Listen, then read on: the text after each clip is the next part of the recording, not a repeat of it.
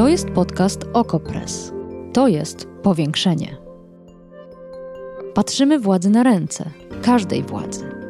Obserwujemy politykę i życie społeczne. Ustalamy fakty, komentujemy wydarzenia i przede wszystkim rozmawiamy z Wami i z naszymi gośćmi. Zapraszam, Agata Kowalska.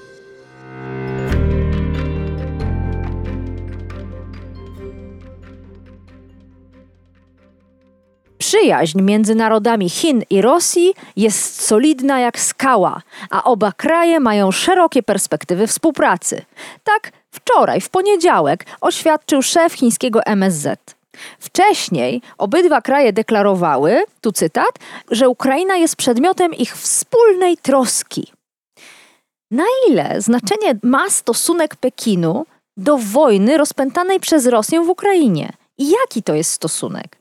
Czy Federację Rosyjską i Chińską Republikę Ludową rzeczywiście łączy przyjaźń solidna jak skała? Jak zmieniła się ta relacja w obliczu krachu gospodarczego w Rosji, wywołanego oczywiście sankcjami Zachodu?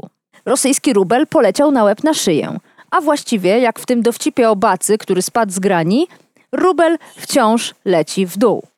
Czy skuszone obniżkami Chiny wyruszyły do Rosji na wielkie zakupy? Czy wykorzystują ten kryzys? W jaki sposób? I co to wszystko oznacza dla izolowanego przez zachodni świat Putina? Innymi słowy, czy smok pożera niedźwiedzia? O tym dzisiaj w powiększeniu.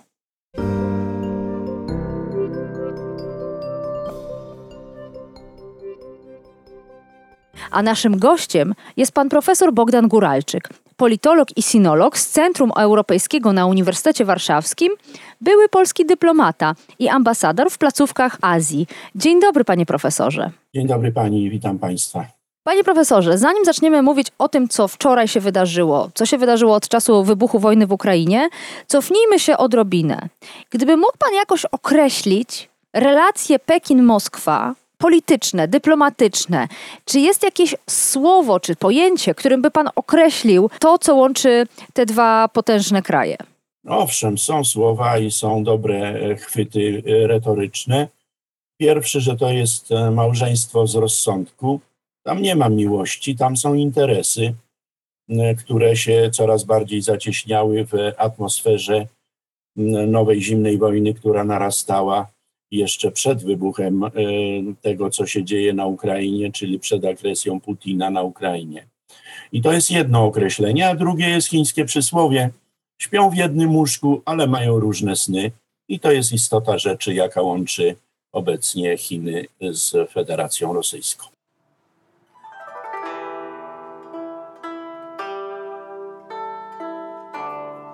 A czy jesteśmy w stanie powiedzieć, Jaką Rosję widzą przywódcy chińscy? Czy widzą ją jako imperium? Czy widzą je jako schyłkowe mocarstwo? Czy określają je jako kolosa na glinianych nogach? A może jeszcze inaczej? No możemy domyślać się, że na to pa, pani pytanie powinni oni odpowiedzieć, a nie ja. Ale ponieważ. Wciąż staramy się, się o wywiad. ponieważ zajmuję się tymi Chinami wiele dekad, więc spróbuję wydaje się, że chińskie mm, interesy są tutaj bardzo ambiwalentne. Z jednej strony Rosja jest Chinom niezmiernie potrzebna, dlatego że już wspomniałem, że weszliśmy w nową zimną wojnę i w e, ubiegłym roku Stany Zjednoczone zmontowały w regionie Azji i Pacyfiku aż dwa sojusze wojskowe. Jeden nazywa się AUKUS, czyli Stany Zjednoczone współpracujące wojskowo z Australią i Zjednoczonym Królestwem, z Wielką Brytanią, a drugi nazywa się Quad, czyli współpraca wojskowa Stanów Zjednoczonych z Japonią, Australią i Indiami. A nad tym wszystkim jeszcze wisi mm, projekt y, y, tak naprawdę dla Amerykanów najważniejszy, ale nie do końca mm, spełniony, to znaczy y, idea Indo-Pacyfiku, czyli takiego, mówiąc obrazowo, naszyjnika wokół chińskich terytoriów, no i tego nieszczęsnego naszyjnika Amerykanie nie mogą dopiąć, bo tam na północy jest Władimir Władimirowicz Putin i Federacja Rosyjska. I to się nie domyka. Czyli Chińczycy to wiedzą i muszą uważać, żeby nie nastąpiło odwrócenie sojuszy, to znaczy, żeby Rosja nie poszła wspólnie z Zachodem na Chiny. To oczywiście w wyniku agresji Putina nie jest aktualne, ale aktualne być może. W tym sensie musimy jeszcze czekać na rozwój sytuacji. I pod tym względem Rosja, taka jaka jest, jest Chinom potrzebna. Mhm. Ale z drugiej strony, stąd ta ambiwalencja, o której mówię, taka Rosja, jakiej chce Władimir Władimirowicz Putin, czyli Wielkoruś, czyli zebranie wszystkich ziem ruskich, no nie za bardzo się Chińczykom podoba. Dlaczego? Bo wtedy wyrósłby potężny sąsiad, a lepiej mieć i Ukrainę niezależną, i osłabioną Federację Rosyjską, tak jak mamy podzielone e, Półwysep Koreański, a z pamiętników Henry Kissingera ja doskonale wiem, że jak już były rozmowy pokojowe e, nad wyjściem Amerykanów z Wietnamu, to chińscy komuniści prosili Amerykanów, żeby nie godzili się na zjednoczenie Wietnamu pod wodzą komunistycznej partii Wietnamu. Lepiej mieć dwóch, a nie jednego. Proste, proste.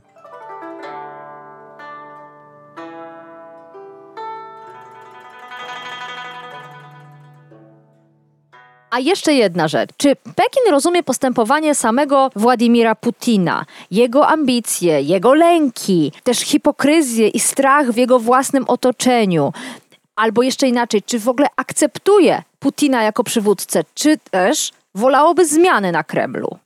Nie, Pekin zaakceptuje każdego przywódcę, byle był silny, byle był skuteczny, byle rozmawiał z Chińczykami, byle re realizował chińskie interesy, a te w postaci wielkich y, porozumień gazowych Putin akurat z Chińczykami podpisywał. Więc y, pod tym względem to jest dobry partner, tym bardziej, że rządzi jednoosobowo, tak jak i obecny chiński przywódca Xi Jinping. No więc tu, tutaj, jak rozumiem, się rozumieją, bo wiedzą, jak wygląda jednoosobowa autokracja. Nie powiem z salonu takiego gry, bo to wtedy jest jednoosobowy bandyta, jak pani może wie, że istnieje takie narzędzie. Natomiast z drugiej strony Putin niewątpliwie chińskie kierownictwo zaskoczył, tak samo jak tamtejszych analityków, ponieważ oni nie spodziewali się pełnoskalowej wojny. Oni raczej spodziewali się zajęcia, tak jak wcześniej Krymu, że będzie ogłoszenie niepodległości Republik Donieckiej, Ługańskiej. Natomiast to, że w wyniku mm, agresji Putina połączył się naród y, i zjednoczył w niebywały sposób naród ukraiński, a szczególnie zjednoczył się Zachód, no to to już jest wbrew interesom y, A no Chin właśnie. Mają z tym duży zgryz. A no właśnie, y, bo to trochę bardziej, może nie Putin zaskoczył Pekin, tylko Ukraina, Zełenski i Zachód zaskoczyły Chiny, ale pojawiła się plotka, że Chiny nie były zaskoczone samą agresją Rosji na Ukrainę, ale prosiły Moskwę, żeby odroczyć atak do czasu zakończenia Igrzysk Olimpijskich. Czy Pana zdaniem dyplomacja czy rozmowy na takim poziomie rzeczywiście mogą się toczyć między tymi dwoma stolicami? Na pewno się toczyły, dlatego że Putin był w Pekinie w dniu otwarcia zimowych igrzysk i co więcej, wydano bardzo ważny moim zdaniem, niedoceniony jeszcze i przysłoniony przez wydarzenia na Ukrainie komunikat z 4 lutego bieżącego roku, który powinniśmy bezustannie mieć przed sobą, bo tam zarysowano e, zasady i jakby kontury Hmm. nowego ładu. Nowy świat, światowego. nowy świat. Mhm. Dokładnie.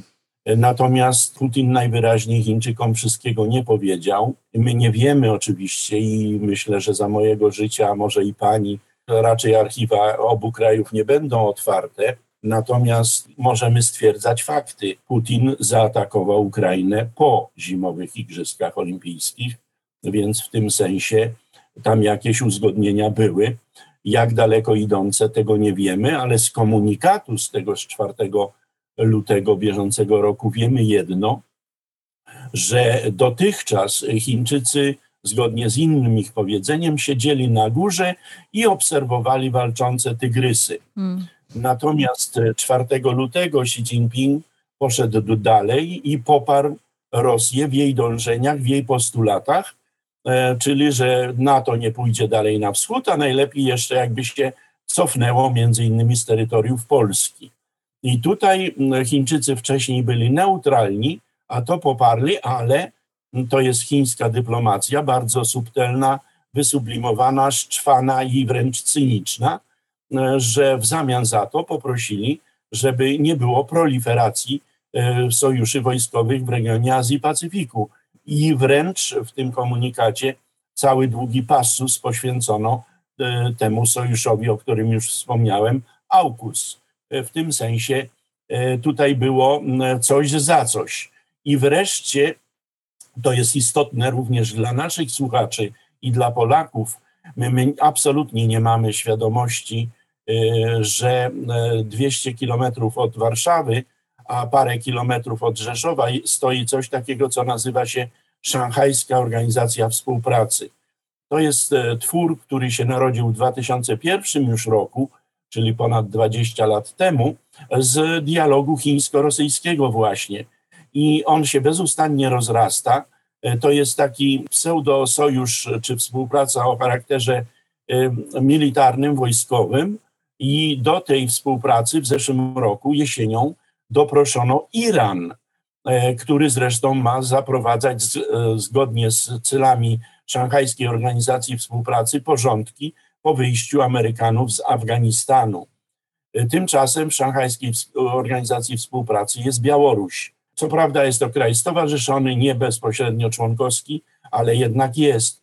I ta Szanghajska Organizacja Współpracy no, próbuje wypchnąć Zachód, szczególnie Amerykanów, z całego wielkiego lądu Euroazji no tutaj tylko jest pytanie, jak będą się zachowywały Indie, bo coś takiego jak współpraca Rosji z Chinami i jeszcze z Iranem, to jest czarny sen amerykańskiego stratega, o, o czym pisał kiedyś w ważnej książce do dziś wielka szachownica, niejaki Zbigniew Brzeziński.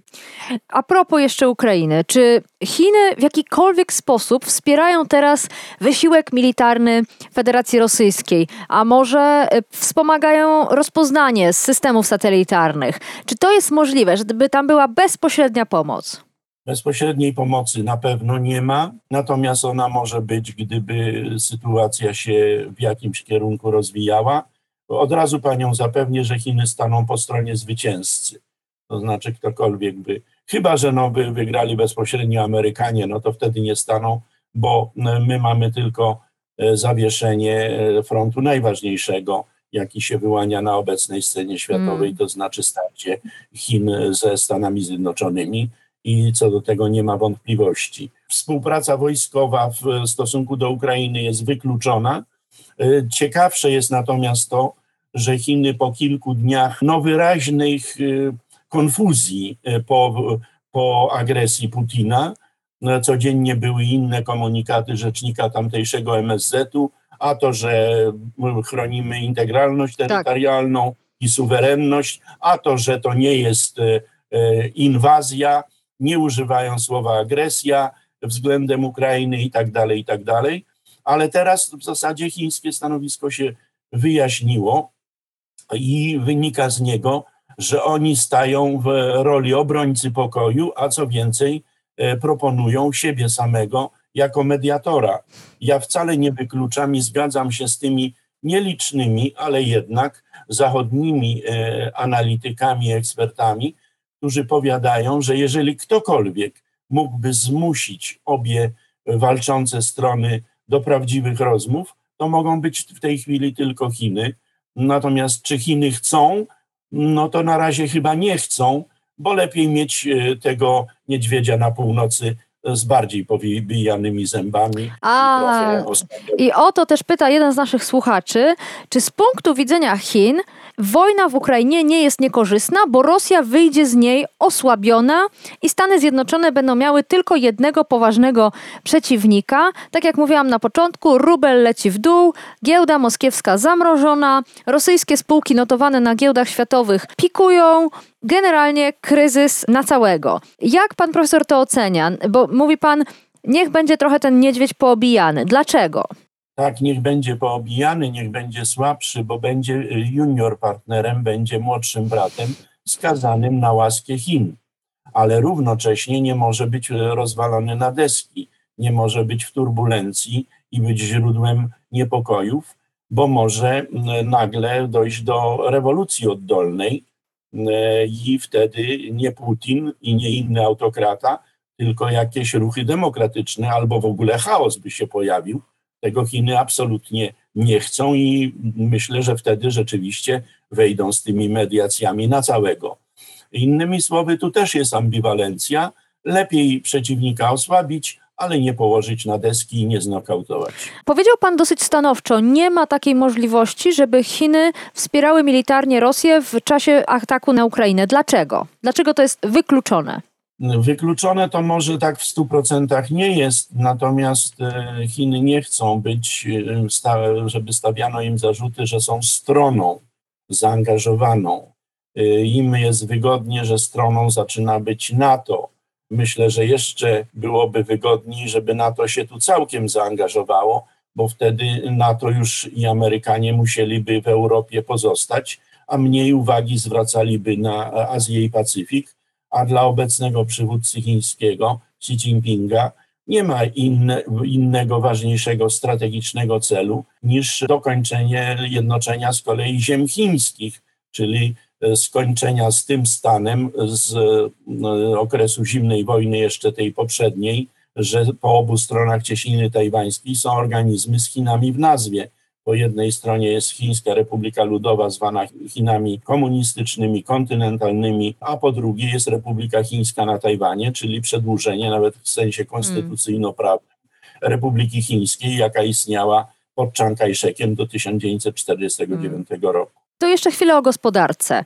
Mówi się, że teraz trwają rozmowy, jeśli chodzi o zakupy, zwłaszcza energetyczne, Pekinu w Rosji. I to jest ważne z punktu widzenia Moskwy obłożonej sankcjami. Wprawdzie Europa póki co nie zamierza rezygnować z zakupu ropy czy gazu od Rosji, bo po prostu nas na to nie stać, żebyśmy palili w domach świeczkami, ale wygląda na to, że ten partner po drugiej stronie e, globu jest bardzo ważnym klientem. Jak to wygląda i o jakich jakich innych obszarach gospodarczych zapominamy, rozważając tę sytuację wojenną? Co ważnego łączy gospodarczo Rosję z Chinami?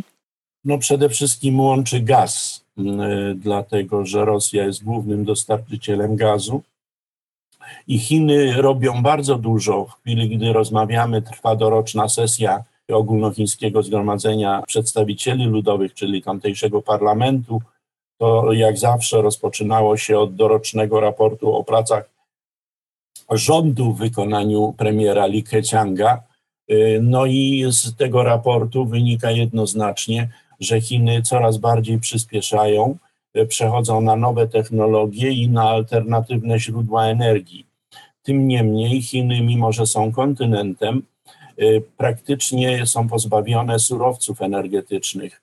Gazu praktycznie wcale nie mają, ropy naftowej bardzo niewiele, mają jedynie dosyć dużo węgla, w tym sensie są trochę podobne do Polski, że w tym miksie, mikście energetycznym węgiel tam jest nadal najważniejszy. I wiedzą Chińczycy, że jeszcze z 10 lat potrzebny jest im rosyjski gaz, dlatego też z tego też powodu nie chcą, żeby ktokolwiek położył Rosjan na deski, bo jest im potrzebny jako dostarczyciel surowców energetycznych, ale też drzewa z Syberii, a nawet taka ciekawostka, w Chinach była przez y, ponad trzy dekady polityka jednego dziecka. Ona powoduje, że Chiny się szybko starzeją, a równocześnie zachwiały się proporcje pomiędzy płciami, bo w wyniku hmm. polityki jednego dziecka odezwała się chińska tradycja, że potomkiem tak naprawdę to jest tylko ten w płci męskiej, a żeńskie noworodki pływały w studniach, w rzekach, w jeziorach, by wiele na ten temat napisano i mówiono. Tę politykę zakończono już w 2015 roku, tyle że nowe pokolenie Chińczyków nie chce związków małżeńskich i jest 116 chłopaków na 100 dziewczyn, czyli 16 z urodzenia nie ma szans na ożenek. Stąd niektórzy Chińczycy z pełną kiesą jeszcze na dodatek nie pijący jadą w kraj zabajkalski i tam, i tam szukają e, rosyjskich żon, co się zdarza. To już jest zjawisko socjologiczne, czyli jak widzi pani, różne są formy współpracy e, między tymi krajami. No, zaczęliśmy od małżeństwa z rozsądku, a skończyliśmy na małżeństwie z wyboru. Chociaż nie takiego może wyboru, e, jakby sami Chińczycy chcieli. Pan profesor Bogdan Guralczyk, politolog i sinolog z Centrum Europejskiego na Uniwersytecie Warszawskim, były polski dyplomata i ambasador w placówkach w Azji. Bardzo dziękuję profesorze za całą analizę.